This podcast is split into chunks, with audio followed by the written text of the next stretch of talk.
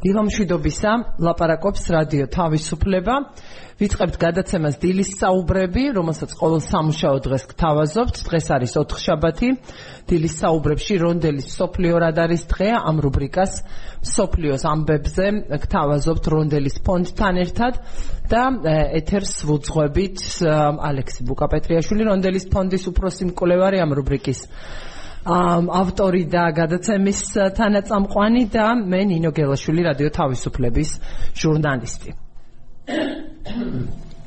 გაცრავა დილამშვიდობისა ბუკა. დილამშვიდობის ნინო მოგესალმები, მივესალმები ჩვენს მსმენელს.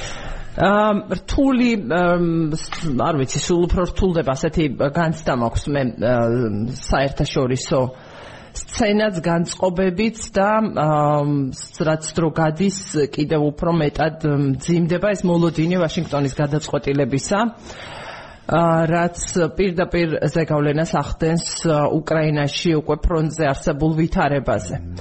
ავდევკის დათმობა არ არის ეს ცხადია მხოლოდ ერთი ერთი მონაკვეთის დათმობა უკრაინის მიერ, თუმცა ვიდრე ამაზე გადავალთ, მინდა ერთი ცნობით დავიწყო, რომელზეც BBC იუწყება, რომ უკრაინელმა სამხედროებმა იერიში მიიტანეს პოლიგონზე, სადაც რუს გენერალს ელოდებოდნენ 60, სულ ცოტა 60 რუსი სამხედრო დაიღუპა დონეცკის ოლქის ოკუპირებულ ნაწილში ვოლნოვახის რაიონის სოფელ ტრუდოვსკოესთან მდებარე პოლიგონზე.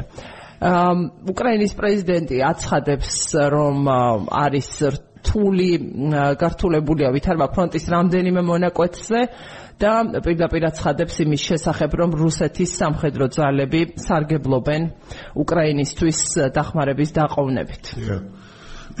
მეც მინდა შევუერთდე კიდევ ერთი სასიხარულო ცნობით კიდევ ერთი სუ 34 ჩამოაგდეს. უკრაინელებმა ბოლო დღეები მინდა გითხრათ რომ ძალიან უხ მოსავლიანია უხ გოლიანია ამ თვალსაზრისით. სუ 34-ები და სუ 35-ების ჩვენა გადამეტების გარეშე მართ ასეთი ბოლო პერიოდში როდის იყო არის მახსოვს როგორც ამბობენ ყველაფერში დამნაშავე პატრიოტია გერმანელების მიწოდებული პატრიოტების სისტემის ანგარიშზე უკვე არის 10-ზე მეტი სუ 34 და 35 სუ 24 A50 I22 ბევრი ვერტმფრენები სხვადასხვა მოდიფიკაციის ძალიან დიდი ღირებულების ძალიან დიდი მნიშვნელობის თვითფრინავების საბრძოლო სადაზვერვო და ასე შემდეგ. მაგრამ ეს კიდევ ერთხელ ადასტურებს იმას, რომ უკრაინელებისთვის საჭირო ტექნიკის, საჭირო შეიარაღების მიწოდების შემთხვევაში უკრაინელები მზად არიან გააკეთონ ის საქმე, რომელიც უნდა გააკეთოს და შეიძლება მოუწიოს ამის გაკეთება ყველას ერთად მაინც ნებისმიერ შემთხვევაში. სხვადასხვა ვადებით სახელდება გუშინ გერმანიის თავდაცვის ministris გამონათქვამის შემხვდა ტონი პისტორიუსის რომ ყველა უნდა ვემზადოთ რუსეთთან ომისთვის ის ასახელებს 5-8 წლის ვადას ასევე ვრცელდება 3-5 წელი ყველაზე მეტია ყველაზე ხშირად მხდება ეს ვადა. შესაბამისად ძალიან ძნელია ამაზე საუბარი რომ რატომ ამაზე ბევრჯერ აღნიშნეთ რა თქმა უნდა და ბევრჯერ ვისაუბრეთ რატომ არ მიეწოდება დახმარება თუმცა აქვე უნდა ვთქვა რომ ერთსულოვანია ყველა იმაში რომ ოდენ ევროპული დახმარების იმედად და ამერიკის შეერთებული შტატებიდან დახმარების თლიანად გამორიცხვის შემთხვევაში ძალიან რთული იქნება იმ ტემპების და დინამიკის მიღწევა, რომელიც გაათანაბრებს შესაძლებლობებს артиლერიულ დუელში ჭურვების დონეზე, ჭურვების მიღების დონეზე რუსეთსა და უკრაინას შორის.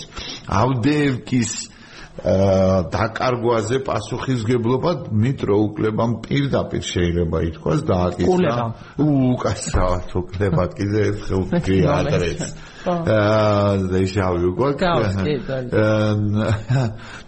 დმიტრო კულებამ განაცხადა რომ რომ ყოფილიყო საკმარისი რაოდენობის ჭურვები, артиლერიული ჭურვები, ამდევ კარ დაიკარგებოდა 10-1-თან თანაფარდობა არის ახლა რუსეთსა და უკრაინას შორის ჭურვების რაოდენობის თვალსაზრისით. ევროპა ეძებს, ევროპა პოულობს ჭურვებს ევროპისა და ამერიკის შეერთებული შტატების მიღმა აზიის ბაზრებზე არის და შეიძლება ვივარაუდოთ გავრცელებული ინფორმაციით ეს ალბათ სამხრეთ კორეა მაგრამ 800000 ჭურვი ძალიან დიდი შვება არის მაგრამ ამერიკის შეერთებული შტატების სამხედრო სამრეწველო კომპლექსის სულფასოვანი თანამონაწილეობის გარეშე ევროპული სამხედრო თავდაცვის ინდუსტრია დღეს ვერანაირად ვერ გაუძლებს იმ ტემპებს და იმ კონკურენციას თუ შეიძლება ამ შემთხვევაში ეს სიტყვა ვიხმაროთ რომელსაც თავაზობს რუსეთი ჩtildeოეთ კორეიდან მიღებული რაკეტებით საკუთარი წარმოების ინტენსიფიცირებით კიდევ ერთხელ გავიმეორებ ადრეც თქვი რუსეთი გადავიდა საომარ ეკონომიკაზე 10% მისი მთლიანი შიდა პროდუქტის მიდის იხარჯება საომარ მიმართული არის თავდაცვის ბიუჯეტზე, თავდაცვის გაძლიერებაზე, შეერაღების წარმოებაზე და ასე შემდეგ. ძალიან ბევრი სოციალური პროექტია შეჩერებული, ძალიან ბევრი რუსეთის ფართო მასშტაბის მნიშვნელობის თემები არის საერთოდ გაჩერებული, მაგრამ ყველაფერი ფრონტისთვის იყო ადრე ესეთი ცნობილი ფრაზა. მაშინ, როდესაც ყველაზე მეც ნატოს წევრი ქვეყნებიდან არის პატარა ესტონეთი, რომელიც დაახლოებით 4%-ს ხარჯავს თავისი მთლიანი შიდა პროდუქტთან მიმართებაში, თავისი თავდაცვის ბიუჯეტს უკრაინის დახმარებისთვის. ეს არის ყველაზე დიდი მაჩვენებელი და ყველაზე საამაყოც ესტონელებისთვის ბუნებრივია. 0.4 10ჯერ მეტია დაახლოებით ამერიკის შეერთებული შტატების ანალოგიურ მაჩვენებელზე უბრალოდ ხო, გასაგები აბსოლუტური რაოდენობაში ხო ნაკლებია გაცილებით. მაჩვენებელია ბუნებრივი. აა ჩვენ მივუბრუნდებით ბალტიისპირეთის პოზიციას აუცილებლად, მაგრამ რადგან გერმანია ახსენე ჭურვების საკითხი, საბრძოლო მასალის საკითხი მიუხენის და არაერთხელ შევეხმიანებით მიუხენის უსაფრთხოების კონფერენციას რომელიც სწორედ ჩვენ წინა ეთერის შემდეგ იყო დროში იქ დაისვა მორიგჯერ ტაურუსის საკითხი და ასეთი გზავნილიც იყო გერმანიის ერთ-ერთი წარმომადგენლისგან არაულოფ შოლცისგან რომ გერმანია გააკეთებს, მიიღებს გადაწყვეტილებას თავის დროზე და გერმანულად გააკეთებს ამასო და ხედავთ რომ უკრაინა უკრაინა ხედავთ რომ ძალიან გააქტიურებულია აი ამ შედარებით გაურკვეველ ვითარებაში დახმარებასთან დაკავშირებით არის ძალიან გააქტიურებული ორმხრივი ურთიერთობები ევროპელ პარტნიორებთან რამდენად რა როგორ თქვა რამდენად მნიშვნელოვანი როგორ არ არის მაგრამ რამდენად მოახდენს ეს ეფექტს? თუ უბრალოდ მდგომარეობის შენარჩუნებისთვის არა მდგომარეობის შენარჩუნება ამაზე არაფერ კიდევ ერთხელ ვიმეორებ ტაურუსის გადაცემის შემთხვევაში შორი მანძილის რაკეტებზე ლაპარაკი შორი მანძილის რაკეტებზე არის საუბარი და აქაც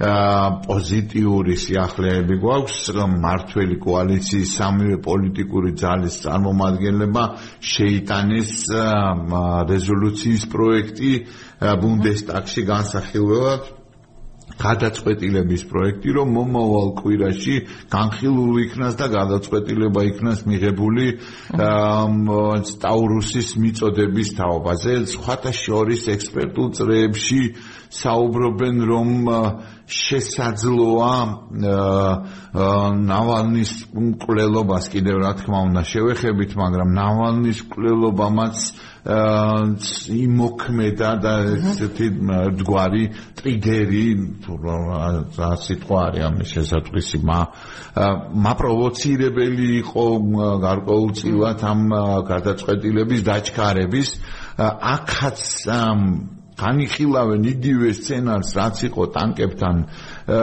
დაკავშირებით განიხილავენ, რომ ტაურუსის პარალელურად ამერიკის შეერთებული შტატების სხვა ადმინისტრაციიდანაც სხვადასხვა წყაროებიდან მოდის ინფორმაციები, რომ განიხილება შორმანძილზე მოქმედი რაკეტების ატაკამსების უკრაინისთვის მიწოდების გზები. აა ეს შეიძლება იყოს მოკავშირეების მეშვეობით თუ არ მოხდება პირდაპირ ამერიკის შეერთებული შტატების მიერ ბიუჯეტის დამტკიცება.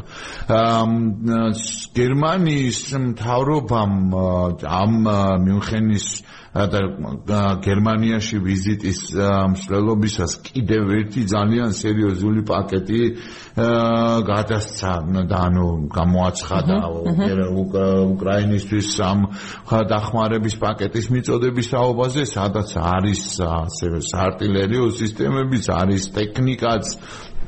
მილიარდობით ევროზე არის რეალურად საუბარი, მაგრამ სურათის შემცვლელი, game changer-ი ამ თამაშის შემცვლელი ეს ტერმინი არის დამკვიდრებული, რეალურად არის შორმანძილზე მოქმედი რაკეტები, რომელიც მიაყენებს დარტყმას და ზიანს.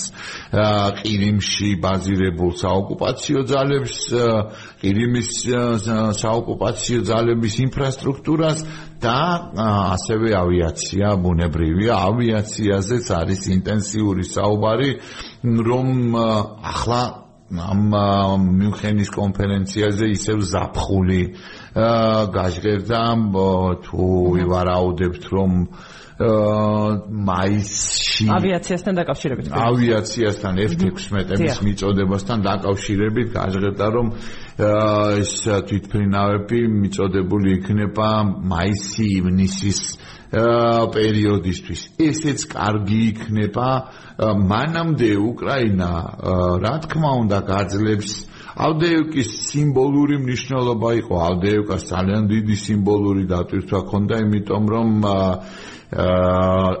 2014 წლიდან მოყოლებული ვერ აიღეს რუსებმა ავდეევკა და ახლა პუტინს მიართვეს ეს როგორც წინა საარჩევნო ესე ვთქვათ სიახლე და ამბავი. მაგრამ ისევე როგორც ყველაფერი არის ყალბი და სიცრუეზე დაფუძნებული შოიგუმ უპატაკა ასევე პუტინს პუტინს რომ ხერსონის სამი დამოებში მოკლედ არის აი კრინკის პლატფორმი აღებულია განათლებულია და მე იცი რომ ვადევნებ თვალყურს რუს სამხედრო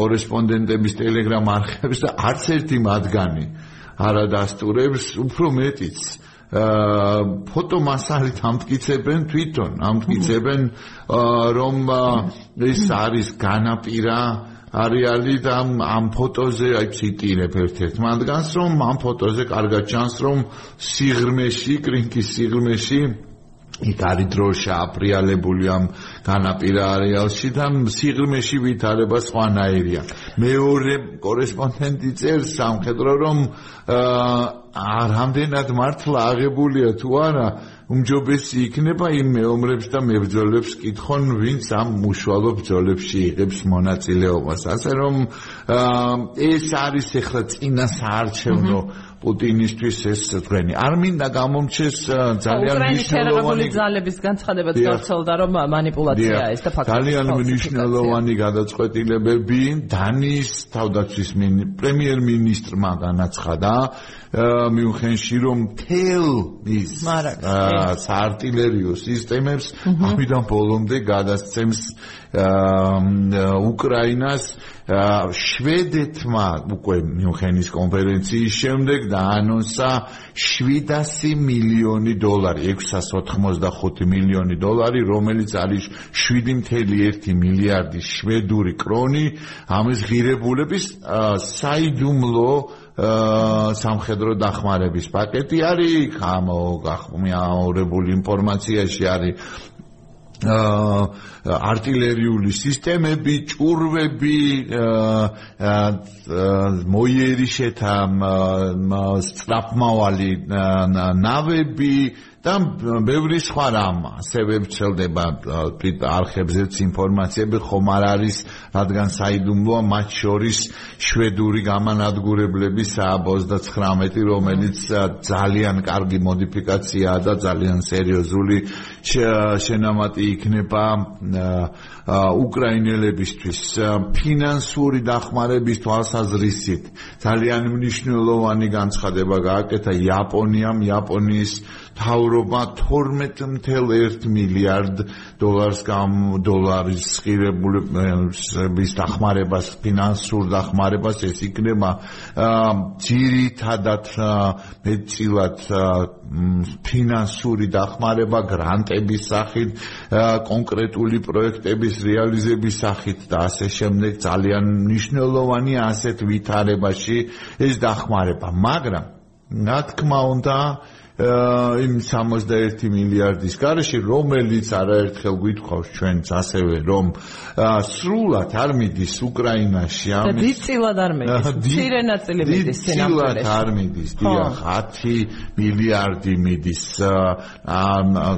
მაკროფინანსური დახმარებისთვის და 14-15 მილიარდი უშუალოდ სამხედრო შეიარაღების ფორმით. და ჩემი სურჩება ამერიკის შეერთებული შტატების სამხედრო ინდუსტრიაში. ერთი ძალიან მნიშვნელოვანი ორი ფრაზა თქვა ძალიან მნიშვნელოვანი. ზელენსკიმ მიუნხენში იქ იყო მასშტაბური დელეგაცია წარმოდგენილი ამერიკის შეერთებული შტატების კონგრესიდან და კონგრესმენების არგუმენტები რომ საგაზაფხულო არ დადაგებზე წავიდა დაიშალა კონგრესი და აირო დაბრუნდება მე დაიწყება განხილვა ზელენსკიმ დარბაზიდან შეახსენა მათთვის არ მიუმართა პირადად რომ დიქტატორები არ დადაგებზე არ დადიანო.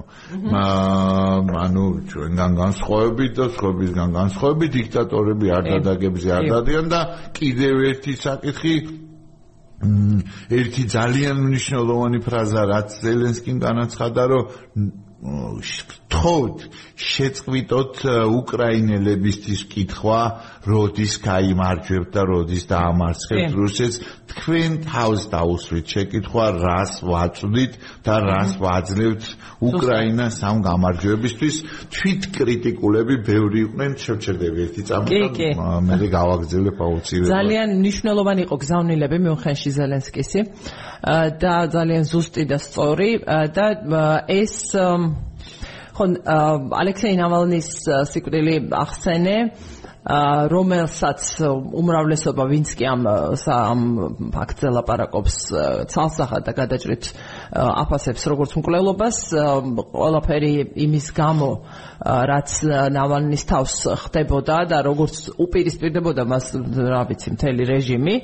და ასევე ვიცით რომ მისი გვამი არავინ იცის როდის გადაეცემა და გადაეცემა თუ არა საერთოდ ეს კითხვაც გაისმა და სრულიად ესე ვთქვათ სამფუძვლიანი კითხვა ოჯახს დედა ითხოვს პუტინს მიმართა პირადად მან რომ ადამიანურად დამამარხინეთ შვილიო მაგრამ ესეთი სიტუაცია არის ამ ძიმე ფაქტმა ხო რაღაც განწყობებს დაეხმარა რა თქმა უნდა გულისხმობ უკრაინისტვის დახმარების კონსოლიდაციის კონტექსტში მაგრამ უფრო უფრო რიტორიკის გააქტიურებას იმაზე რომ იმაზე რომ უკრაინას სჭირდება დახმარება არა იმისთვის რომ არ დამარცხდეს არამედ იმისთვის რომ გაიმარჯვოს და რუსეთი დამარცხდეს.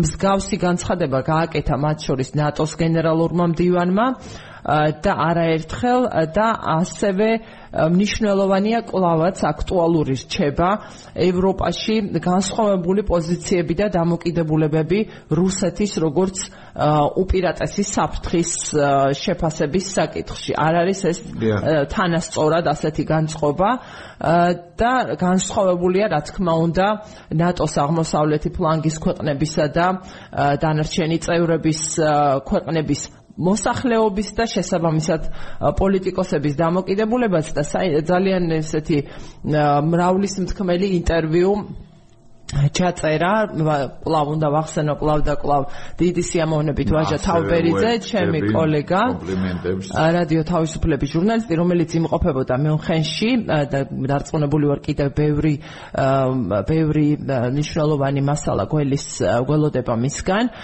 და გამოქვეყნდა ინტერვიუ ლატვიის პრეზიდენტ ედგარ რინკევიჩთან რომელიც ამბობს რომ ძალიან სტარი მგონია ფრაზა დავეხმარებით უკრაინას სანამ დასჭირდება ამის ნაცვლად უნდა ვამბობდეთ დავეხმარებით უკრაინას გამარჯვებამდე. მიუხედავად ყველა იმ პრობლემისა რომლის წინაშეც ახლა აღმოჩნდით დაფინანსება უკრაინის თემით გადაღლა. ეს უნდა იყოს სოფლიო ლიდერების თავარი გზავნილი უკრაინის უკრაინას დავეხმარებით გამარჯვებამდე უკრაინის გამარჯვება კი რუსეთში ცვლილებებსაც მოასწავებს. შესაძლო არც თუ ისე პოზიტიურს მაგრამ მიუხედავად ამისა ეს ერთადერთი შანსია რუსეთში რამის შესაძლებლად. ამიტომ იმის ნაცვლად რომ დაუკმაყოფილდეთ სანქციების დაწესებით მოსამართლეზე პროკურორსა თუ ციხის უფროსზე სადაც ნავალნი იმყოფებოდა თავისთავად ცხადია ამ ხალხმაც პასუხი უნდა აგოს მაგრამ ამით არ უნდა დაუკმაყოფილდეთ და უკრაინის დახმარება უფრო დიდი შემართებით უნდა გავაძლიეროთ გავაძლიეროთ. უკრაინა დღეს უბრალოდ ჩვენთვის კი არ იბრძვის, არამედ იბრძვის ჩვენს მაგივრად, აცხადებს ლატვიის ლიდერი. ძალიან მნიშვნელოვანი გზავნილებია მისი და ეს ინტერვიუ სრულად შეგიძლიათ ნახოთ რადიო თავისუფლება წერტილი G is სრული ტექსტი ამ ინტერვიუსი და ასევე ამბობს ის, რომ ზედმეტ პესიმიზმში ნუ ჩამომართვეთ, მაგრამ მართლაც მზად უნდა ვიყოთ ნებისმიერი სცენარისთვის, მათ შორის ჩვენთან სახლში.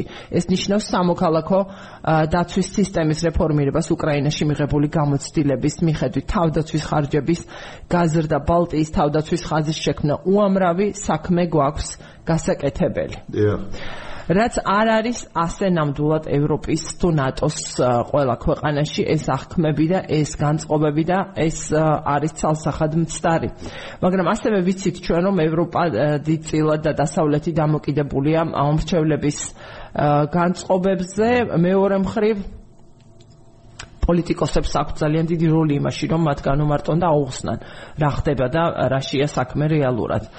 რამდენად როგორ უყურებს კლავ და კლავ უნდა დავსვა ეს შეკითხვა პერსპექტივას იმისა, რომ ეს რეალურად შეიცვალოს, იყო შეიძლება ხა საინტერესო არ არის მე რა მომეჩვენა მაგრამ გადაჭარბებული მოლოდინი იმისა მას შემდეგ რაც ცნობილი გახდა ალექსეი ნავალნის ტრაგიკული დასასრულის შესახებ რომ ეს შეასრულებდა რაღაცნაირ ძლიერ მაკონსოლიდირებელ როლს დასავლეთისთვის. ხო და მე არ ვიცი სად იყო ეს მოლოდინი იყო გაიცმა ასე. ხო, მე არ ვიცი სად იყო ეს მოლოდინი, მაგრამ აბსოლუტურად გეთანხმები, რომ გადაჭარბებული და მცდარი მოლოდინი იყო. აა ნავალნის მკვლელობა, მე სხვა სიტყვას არ ვიხმარ, თავისუფლებას მივცემ და აა ნავალნის მკვლელობა არის მართლაც იმავე ინტერვიუში ამბობს ხოთა შორის ედგარ ნიკევიჩი, რომ არის ერთი დიდი ეპოქის დასასრული ნავალნი იყო ალტერნატივა რაოდენ უნდა მოგწონდეს ციტირებ მას თუ არ მოგწონდეს აი იზიარებდი თუ არ იზიარებდი მის პოლიტიკურ შეხედულებებს ნავალნი იყო რეალურად პუტინის ალტერნატივა და მებრძოლი და მან თავი გაწირა რუსეთში ცვლილებისთვის და თავისუფლებისთვის. მან მართლაც რეალურად აი თავგანწირვის აქტი ანახორციელა მაშინ როდესაც ის ჩამოვიდა ღიად დემონსტრატიულად როცა შეეძლო, რა თქმა უნდა, ყველა საფუძველი ქონდა დადასტურებულად მოწამლული იყო და ყველა საფუძველი ქონდა იმისა, რომ არ ჩამასრულიყო, ძალიან კარგად იცოდა და მან იწინასწარმეტყველა, რომ მას მოკლავდნენ და მოწოდებებით წინასწარ ჩაწერა ერთ ინტერვიუში. ევროპაში კარგი, მაშინ რადგან ეს ახსენე აა თუ კი მე მომკლავენ ეს ეს იქნება იმის დადასტურება რომ ჩვენ ვართ ისეთი ძლიერები როგორც არასდროს. მიმართავ და ის თავის რომ წუხარ რომ მან მაინდა მაინც მართალი და სწორი არ იყო იმიტომ რომ თვითონ ნავალნის ფაქტორი იყო ნიშნულოვანი ფაქტორი იყო რეალურად სინამდვილეში ახლა ოპოზიცია გაფანტულია ერთადერთი კაცი ასევე კარამურზა რომელიც ვლადიმერ კარამურზა რომელსაც ქონდა საშუალება რომ წასულიყო ქონდა საშუალება რომ არ წასულიყო ახლა იხდის 25 წლიან სასჯელს ტერორიზმის ბრალდებით. უფრო არა ნაკლებ უარეს კოლონიაში პირობების კოლონიაში როგორციც მოკლეს ალექსეი ნავანი. ეს არ არის ადამიანი არ არის პრობლემა ძველი ცნობილი ფრაზა არის ნავალნი პრობლემა იყო მაინც ნავალნი პრობლემა იყო. ახლა მე მინდა გითხრათ რომ ძალიან ემოციურად შტამბეშტავი იყო მისი მეუღლის იულია ნავანას ვიდეო რომელიც მან ჩაწერა სადაც განაცხადა რომ ის გააგრძელებს ბრძოლას წარმატებებს უსურვებ ხოლოდ და მხოლოდ რა თქმა უნდა ბუნებრივია და გამარჯვებას ამ ბრძოლაში და ნიშნულოვანია რომ ეს დროშა საბოლოოდ არ დაეცეს ოპოზიციის მაგრამ ოპოზიციის აბსოლუტურად უდიდესი ნაწილი ოპოზიციონერებად ვინც მოიაზრებიან თვითონ რუსეთში არის მის ფარგლებს გარეთ. იქ დაკავებულები არიან ერთმანეთის კრიტიკით, გაქილიკებით, ბრალდებების წაყენებით შესაბამისად აი ამ ფონზე ნემცოვის შემდეგ ყველაზე სერიოზული ფიგურა იყო ალექსეი ნავალნი, რომელიც მოიშორა ვლადიმერ პუტინმა. ვლადიმერ პუტინმა დემონსტრირება მოახდინა, რომ ის არაფერზე უკან დახევას არაპირებს, არაფერი მისთვის შემაფერხებელი საერთოდ არ არის. ესპანეთში იპოვეს იმ რუსი პილოტის ცხედარი რომელმაც გაიტაცა რუსული ვერნფრენი უკრაინული სპეცსამსახურებიც ადასტურებენ და ესპანეთის ხელისუფლებამაც დაადასტურა რომ ეს ეს ის ადამიანია. მას აფრთხილებდნენ რომ არ გასულიყო უკრაინიდან მაგრამ ნუ წავიდა და იქ მიაკვლიეს მიაგნეს ის პუტინი ყველგან კლავს კრემლის კედლებთანაც და ბერლინის შუაგულ ბერლინში ბაღში სადაც ხანგოშვილი მოკლეს სხვათა შორის ერთ-ერთი მედიის ცნობით მიმდინარეობდა მოლაპარაკებები კრასკოვია ის მკვლელი ჰიტმენი რომელიც დაქირავებული პროფესიონალი მკვლელი სპეცსამსახურების რომელიც დააკავეს რომელმაც მოკლა ზელიმხან ხანგოშვილი და მის გაცვლაზე იყო მოლაპარაკებები ნავალნიში მის გაცვლასთან დაკავშირებით. არ ვიცი რამდენად რეალურია და რამდენად მართალია ეს მაგრამ ფიქრობ რომ ნავალნი უფრო მნიშვნელოვანი წონადი ღირებულების იყო. პუტინისთვის ვიდრე იგივე ის კრასკოვი კრასიკოვი კრასიკოვი კრასიკოვის გაცვლას განაგზობენ.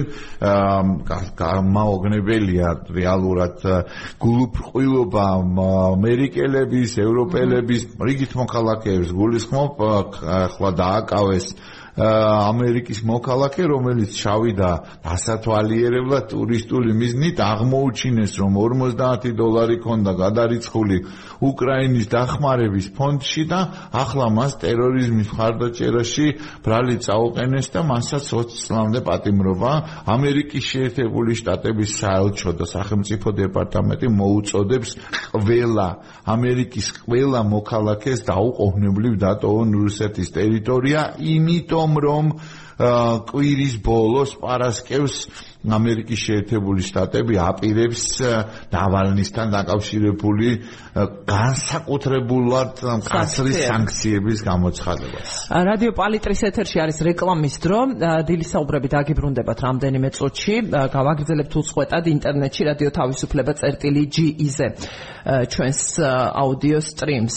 ხო, რადგან ამ თემას მიიყევი, ასევე გასაკვირი გასაკვირი არის.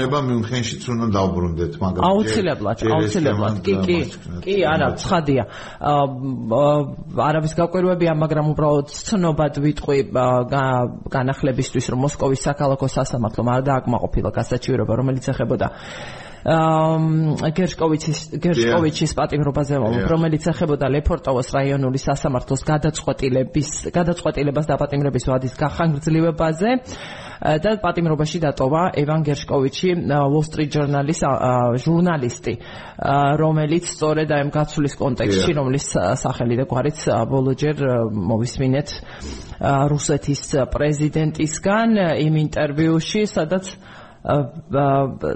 ტაკერ კარლსონი მას თავაზობდა რომ მე გამატანეო ხო და იქ იყო სწორედ ამ კონტექსტში ნახსენები ამას მნიშვნელობა არ აქვს თუ კი რაიმე გაცვლაზე დარწმუნებული ვარ რაიმე გაცვლაზე შეთანხმება მოხერხდა შეერთებულ შტატებსა და რუსეთს შორის ვინმეში ვინმეს გაცვლაზე.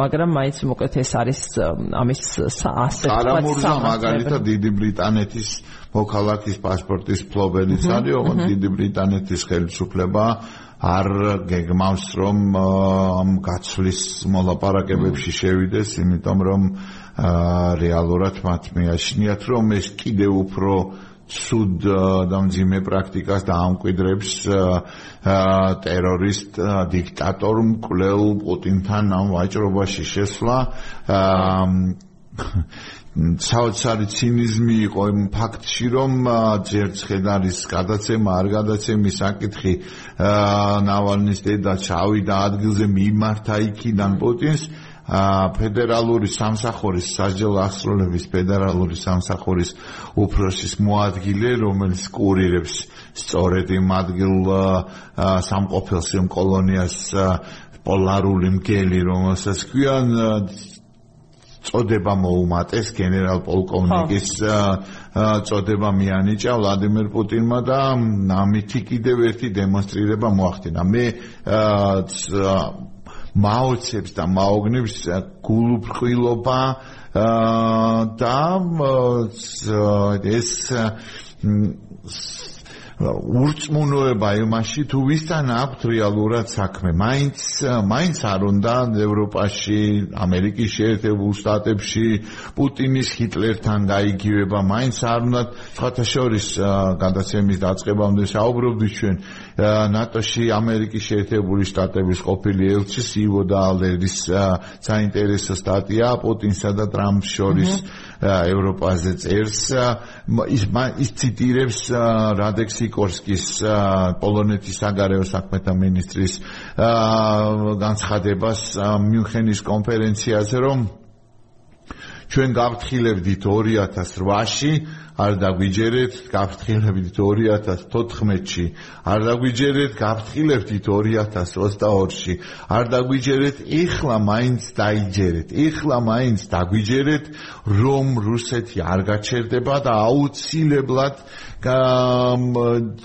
შემდეგ ნაბიჯად აუცილებლად გადადგავს რომ ნატოს რომელიმე წევრი ქვეყნის მიმართულებით ის არ გაჩერდება არაფერზე ბუნებრივია და აი აბსოლუტურად ზუსტად აღნიშნე შენ ეს არსებითი სხვაობა არის პრობლემის თავი და თავი. მე მგონი ეს არსებითი სხვაობა ბალტიის ქვეყნები ქებადა დიდება მათ ლიეტუვის აგარეო საქმეთა ministri ესტონეთის პრემიერ-მინისტრი კაია კალასი ამ ლიეტუვის აგარეო საქმეთა ministri ლანსბერგისი გაბრიელიოს ლანსბერგისი ცნობილი ლიეტუვის მებრძოლის და პირველი პრეზიდენტის შვილი შვილი ასევე ლატვიის პრეზიდენტი ედგარ ნინკევიჩი ისინი ყოველთვის ხასოს ამ ყველაფერი უნდა გა და პოლონეთის ხელისუფლება ამჟამინდელი ხასოს ამ ყველაფერი უნდა გაკეთეს პუტინის დასამარცხებლად. პუტინის ჯოჯოხეთში გაგზავნაში დამეხმარეთო რადექ სიკორსკი მიმართა ევროპარლამენტს როდესაც ის როგორც პოლონეთის საგარეო საქმეთა მინისტრი კლაუდ პირველად წარსდგა ახალი მთავრობის შემადგენლობიდან და მეორე მხარეს ალიტრის ეთერში დავბრუნდით უბრალოდ შენც რომ გეითხრა და იცოდე. და ვინც ახლა შემოგვიერთდა იმ სმენელებს მინდა უთხრა რომ რადიო თავისუფლების დილის საუბრებს უსმენთ. დღეს არის 4 შაბათი. დილის საუბრებში რონდელის სოფლიო რადარის დღეა? ეს არის ყოველკვირეული გადაცემა რომელსაც რადიო თავისუფლება რონდელის ფონდთან ერთად გთავაზობთ და რომელსაც ბუძღვები ალექსი ბუკაპეტრიაშვილთან ერთად რონდელის ფონდის უფროს მკვლევართან ერთად ის გახლავთ ავტორი ამ რუბრიკის იდეისა და თანაწამყვანი დღევანდელი ეთერის მე ნინო გელაშვილი ვარ რადიო თავისუფლების ჟურნალისტი. ბოდიში სიკორსკიზე ლაპარაკობდი ბოლოს. და არსებითი სხვაობა არის. ეს არის დიდი არა მხოლოდ სიტყვებში არის ბუნებრივია განსხვავება. არსებითი სხვაობა არის მიდგომაში რასაც ესე ვთქვათ ასხივებს აღმოსავლეთ ევროპის ქვეყნები ნუ კონკრეტულად ბალტიის ქვეყნები და პოლონეთი მათ შორის რომ ყველაფერი უნდა გაკეთდეს გამარჯვებისთვის და პუტინის დამარცხებისთვის და ამერიკის შეერთებული შტატების მოქმედი ადმინისტრაციაც კი ვიცე-პრეზიდენტი ჰარისი იმყოფებოდა მიუნხენში სადაც მან განაცხადა რომ პრეზიდენტი ბაიდენი და ის ყველაფერს ანუ თავად ვიცე-პრეზიდენტი კამალა ჰარისი ყველაფერს გააკეთებენ რაც საჭიროა აი ხაერში გამოკიდებული ყველაფერს გააკეთებენ რაც საჭიროა. ამას კიდევ ცუდი გაგრძელებაც მოყვება ხოლმე. ყველაფერს გააკეთებენ იმისთვის რომ უკრაინა არ დამარცხდეს აი ეს არის მაქსიმუმი ზღვარი და აი არსებითი სხვაობა არის აი ამ ორ მიდგომას შორის. მიუნხენზე ისევ რომ გავამახვილოთ ყურადღება განსხვავებით შარშანდელი მიუნხენის უსაფრთხოების კონფერენციისგან წელს უკრაინის დახმარება კან განიხილებოდა ევროპის თავდაცვის კონტექსტში. თავ და თავ, თავს უშველოთ, იმიტომ რომ ნუ ცხადია ცენტრალური ადგილი უკავია ახლა პოლიტიკურ მსჯელობებში და დებატებში. მომავალ არჩევნებს მომავალ არჩევნებს ევროპარლამენტში და ევროპის ძალკეულ ქვეყნებში მომავალ არჩევნებს რა თქმა უნდა ამერიკის შეერთებულ შტატებში და მზადება მიდის უკვე. ნინო გადამეტების გარშე ამის კენ მოწოდება მიდის. მაგალითად ნიდერლანდების წარმავალმა პრემიერ-მინისტრმა რუტემ განაცხადა რომ უნდა ვემზადოთ ჩვენ თვითონ. დავანებოთ იმის მარჩიელობას. თავი ტრამპი იქნება თუ ბაიდენი დარჩება თეთრ სახლში ჩვენ უნდა ვემზადოთ ჩვენი თავის დასაცავად. ვართ თუ არა ამისთვის მზად და ვემზადებით თუ არა ამისთვის. ურსულა ფონ დერ ლაინმა ევროპული კომისიის პრეზიდენტმა რომელმაც დაანონსა რომ მეორე ვადით იყრის კენს და არის მზად ევროკომისიის პრეზიდენტობის დასაკავებლად ახლა მის მთავარ პრიორიტეტებში სტრატეგიულ პრიორიტეტებში თავდაცვის სტრატეგიის და თავდაცვის მიმართულებით ევროპული კომისიის მობილიზება და ამ სტრატეგიის შემუშავება და უზრუნველყოფა დაასახელა. ცხადია ბევრის გაკეთება შეუძლია ევროპას საკუთარი დავის თავის დასაცავათაც და ევროპული კავშირის მხრიდან უკრაინის მხარდასაჭერადაც მაგრამ მაგრამ არის აქ კიდევ ძალიან სერიოზული წინააღმდეგობები შიგნითაც. იგივე ახლა განიხილება უახლოეს პერიოდში რუსული რესურსების, ფინანსური რესურსების, გაყინული რესურსების უკრაინისთვის მოხმარების საკითხი. არის ამაში ერთსულოვნება ევროპულ კავშირში არა. არის ერთსულოვნება იმაში რომ რუსული ალუმინი აღარ შევიდეს ევროპულ ქარხნებში და საწარმოებში? არა. არის მზაობა იმისთვის რომ გადამუშავებული ბენზინად, დიზელად გადამუშავებული რუსული ნედლი ნავთობი, რომელსაც ამუშავებენ ინდურ გადამამუშავებელ ქარხნებში და ხდება მე ამერიკის შეერთებულ შტატებში კავშირშიც და ევროპულ კავშირშიც აღარ მოხდეს რუსეთის ევროპული კავშირის ბაზარზე. არის ამისთვის მზად? არა. მე-13 პაკეტის სანქციების მე-13 პაკეტთან დაკავშირებითაც კი და საერთოდ ყველა თემასთან დაკავშირებით ხმალ ამოღებული მებრძოლი ყავს ორბანის სახით ევროპული კავშირის შიგნით ევროპულ პოზიციას. და ახლა კიდე არაფერს ვამბობ რომ ახალი ისინ თანამოაზრეებით შეიძლება შეუერთდნენ მას. რაიმე ეტაპზე და რა თქმა უნდა ეს ისედაც ეს პროცესი ახლა რაზეც ჩვენ ლაპარაკობდი ეს საკითხი რა ევრო ევროკავშირის მიერ საკუთარი თავდაცვის უნარიანობის გაძლიერებაზე ზრუნვა არის დროის საკითხი და რა თქმა უნდა მნიშვნელოვანია მსჯელობა ახლა არ დაწყებულა მაგრამ ეს არ არის ის ასეთ როგორ თქვა ნიშნულოვან საბედისწერო ეფექტს მოიტანს ახლო მომავალში, თუმცა რა თქმა უნდა კიდევ 100000 ჭურვის, რომელიც ჩეხეთის პრეზიდენტმა პეტერ პაველმა განაცხადა, რომ ჩვენ ვიპოვეთ ეს 800000 ჭურვი, ამას ცხადია ახლა ასე საჩუქრად ვერავინ ვერ გადაცემს უკრაინას.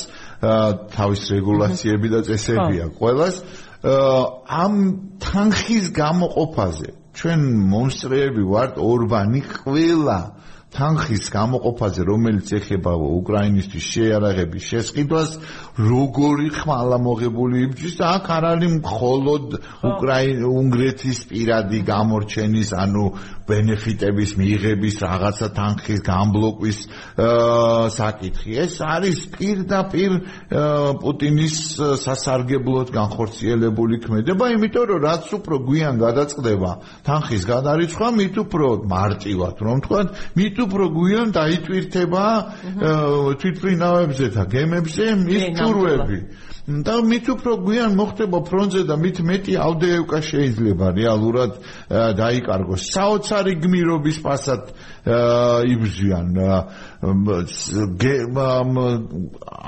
უკრაინელი გენერლის ტარნოვსკის განცხადებით, როგორ შეიძლება რომ ჩვენ ეს ფრონტი შევინარჩუნოთ, როდესაც რუსები მოდიან საკუთარ ცხედრებზე გადავლით და სხვაობა შეფარდება ჭურვებში არის 10 ერთზე რუსების სასარგებლოდ.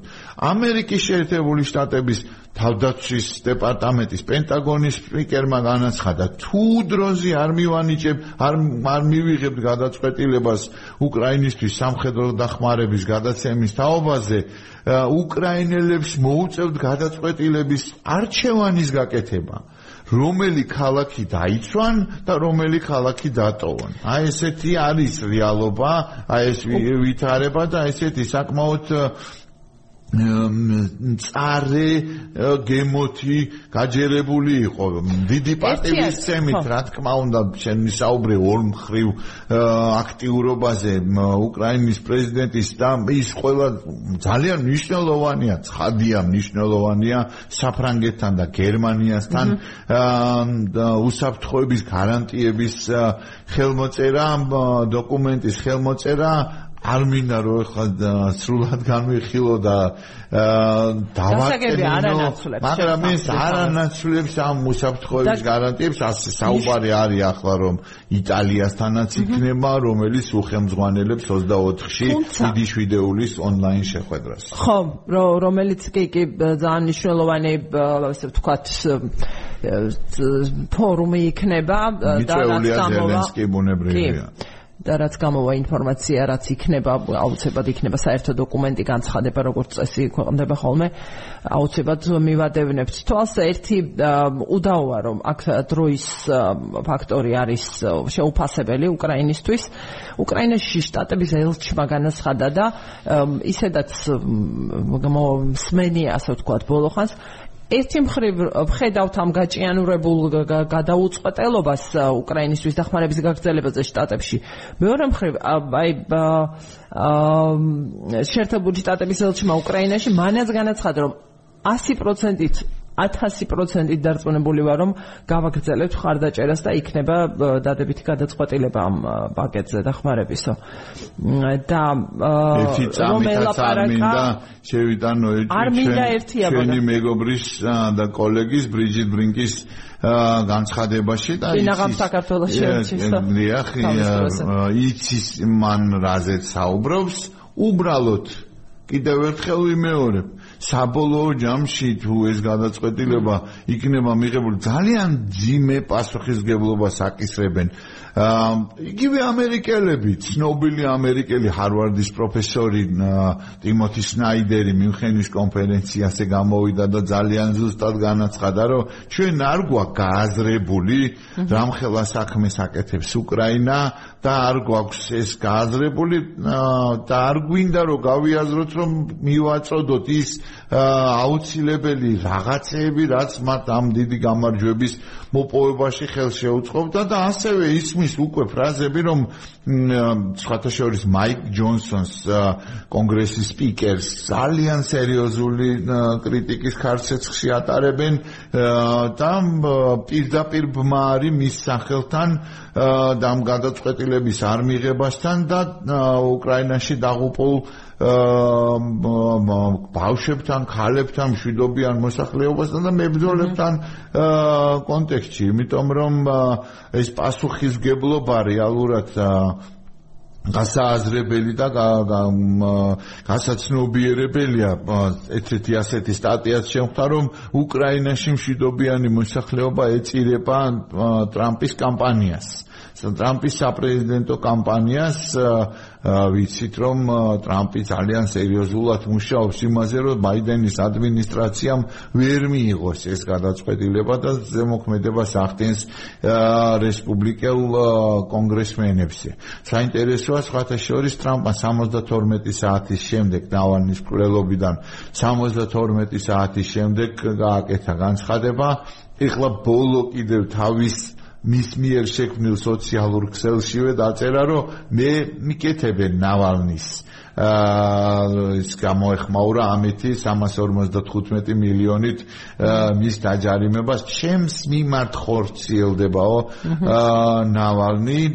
ის ძალიან დახელოვნებული კამპანიის წამყვანია და ავტორია ძალიან ზუსტად იცის სად რა ყოველგვარი სენტიმენტების გარეშე საერთოდ არ შეაფასა. კი მუშაობს მუშაობს მისი კამპანია უნდა აღიაროთ რომ მისი ყველა სასამართლო პროცესის გამოცხადება თარიღის გამოცხადებას ზრდის მის რეიტინგს ზრდის მის შემოსავლებს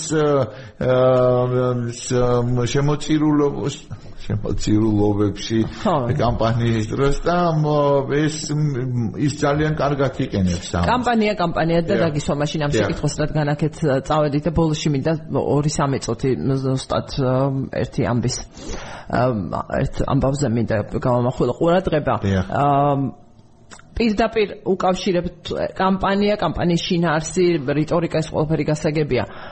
პირდაპირ უკავშირებთ თუ არა დონალდ ტრამპის მესმის იქამდე შორია პროცესს გულისხმობ არა მხოლოდ დროს დრო კი ძალიან მალე გავა არჩევნებამდე დონალდ ტრამპის პრეზიდენტობის შემთხვევაში პირდაპირ უკავშირებთ თუ არა ამას ამ შესაძლო გაპრეზიდენტებას შეერთებული შტატების პოზიციების ცვლილებას.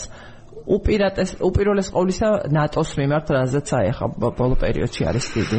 ძალიან დიდი იმედი მინდა ვიქონიო რომ ის ასე და სწორია თქო ანუ 22 იანვარს ნატოდან გამოსვლის თაობაზე განცხადებას არ გააკეთებს.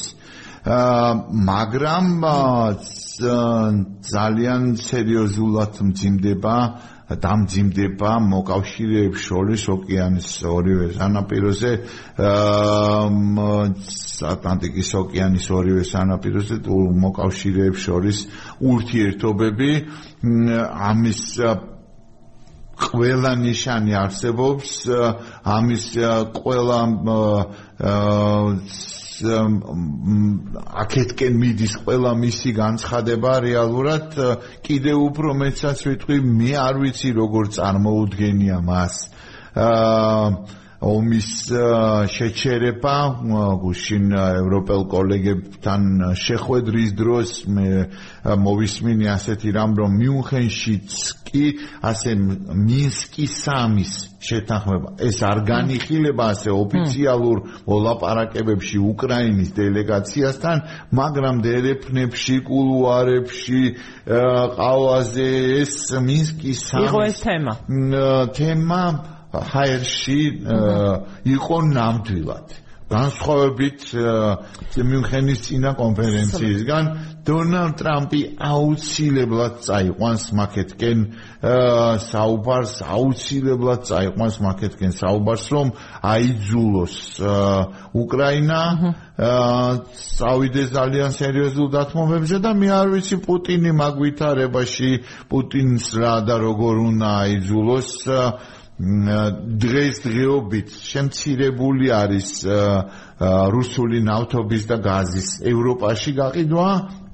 მაგრამ შემცირებულია ნავთობი და გაზიდან შემოსავლები პრობლემები აქვს ჩინურ ბანკებთან ანგარის სწორებასა, იმიტომ რომ ამერიკის შეერთებული შტატები მაინც თავისას მუშაობს ისევე როგორც თურქეთში, სხვათა შორის შემცირებულია გადმორიცხვები ჩვენთანაც საქართველოსში და ექსპორტ-იმპორტით შემცირებულია მნიშვნელოვნად, მაგრამ ეს არ არის მომაკვდინებელი. ვლადიმერ პუტინისთვის და თუ კი ტრამპი მას დაეუქმება, დაემუქრება, რომ დაკმაყოფილდი ყირიმით თორე ამ ამოგახჩობს საერთოდ ეკონომიკურად არსებობს ინდოეთი, არსებობს ჩინა, ჩინეთი, არსებობს ირანი, არსებობს თურქეთის, სპარსეთის ყურის ქვეყნები და ასე შემდეგ და ასე შემდეგ.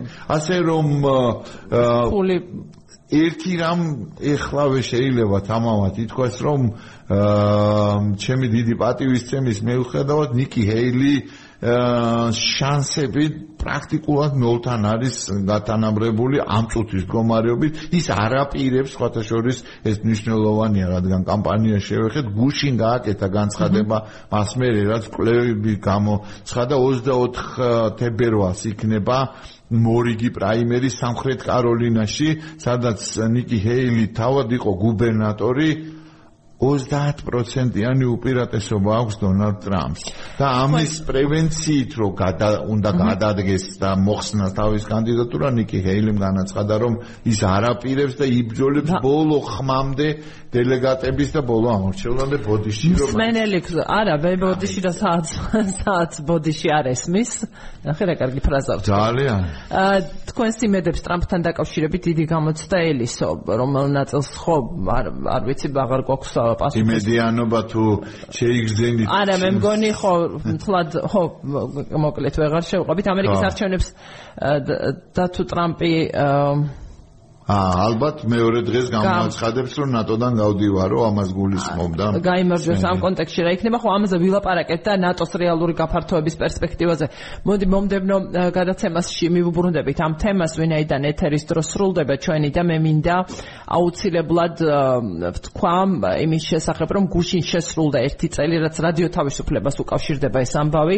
ერთი წელი რაც რადიო თავისუფალი ევროპა რადიო თავისუფლების ბელარუსული სამსახურის ჟურნალისტი იჰარ ლოსიკი არის ის უკვე 3 წელზე მეტია პატიმრობაშია, მაგრამ ბელარუსის სასამართლომ ერთი წლის წინ მას აუკრძალა გარესამყაროსთან ურთიერთობა კავშირი, ის გააჩუმეს და უკვე ერთი წელია იჰარ ლოსიკის ოჯახს მისგან არაფერი სმენია. ის დააკავეს 2020 წლის ივნისში ლუკაშენკას ცრუ არჩევნებამდე. ის გაასამართლეს შეთითხნელი ბრალდებების საფუძველზე მათ შორის ერთ-ერთი იყო მასობრივი არეულობის ორგანიზება. დახურულ სასამართლო პროცესი ჩატარდა მიუსაჯეს 15 წლით თავისუფლების აღკვეთა და მან გამოსცადა როგორც საპატიმროში არა ადამიანური პირობებში ყოფნა ორჯერ ისმშილა სრულ გამოფიტვამდე შეიძლება ითქვას და რადიო თავისუფლება ასე ვთქვათ შეგახსენებთ ამ ფაქტს. ერთი ეს და მეორე მეორე ის რომ რუსეთის ფედერაციის იუსტიციის სამინისტრომ უცხოეთის და საერთაშორისო არასამთავრობო ორგანიზაციების სიაში რომელთა მოქმედება არასასურველად აღიარებული რუსეთის ტერიტორიაზე შეიტანა კორპორაცია რადიო თავისუფალი ევროპა რადიო თავისუფლება ეს ნიშნავს ერთი მხრივ იმას რომ მუშაობის შეზღუდვას და მეორე იმას რომ დანაშაულად ჩაითვლება მათ შორის რადიო თავისუფალი ევროპა რადიო თავისუფლებისთვის ინტერვიუს მიცემა მაგალითად რესპონდენტისთვის მათ და ასეთი ადამიანები თუ კი იქნებიან მათ მიმართაც რუსეთის ხელისუფლება აღძრავს წამოიწყებს ესე ვთქვათ საქმეებს. აი ესეთი არის ვითარება და რეჟიმები ჩვენს გარშემო ზოგი ახლოს ზოგი ცოტათი შორს. ძალიან დიდი მადლობა ალექსი ბუკაპეტრიაშვილს რონდელის ფონდის უფროსი მკვლევარი გახლავთ. თანაწამყვანი დილის საუბრების ეოთხშაბათობით როცა გთავაზობთ რონდელის სოფლიო რადარს. და გემშვიდობებით ამ რუბრიკით ერთი კვირით მე კი ხვალ დაგიბრუნდებით დილის საუბრებით საგარეო პოლიტიკასა და უსაფრთხოებაზე და განვიხილავთ საქართველოს ესე ვთქვათ ბოლო ერთი კვირის მოძრაობებს ევროპის სცენაზე და განვიხილავთ დეტალებს ამისა ნინო სამხარაძესთან ერთად. დიდი მადლობა ბუკამ და დიდი მადლობა ჩვენს მსმენელს დროებით ლაპარაკობს რადიო თავისუფლება.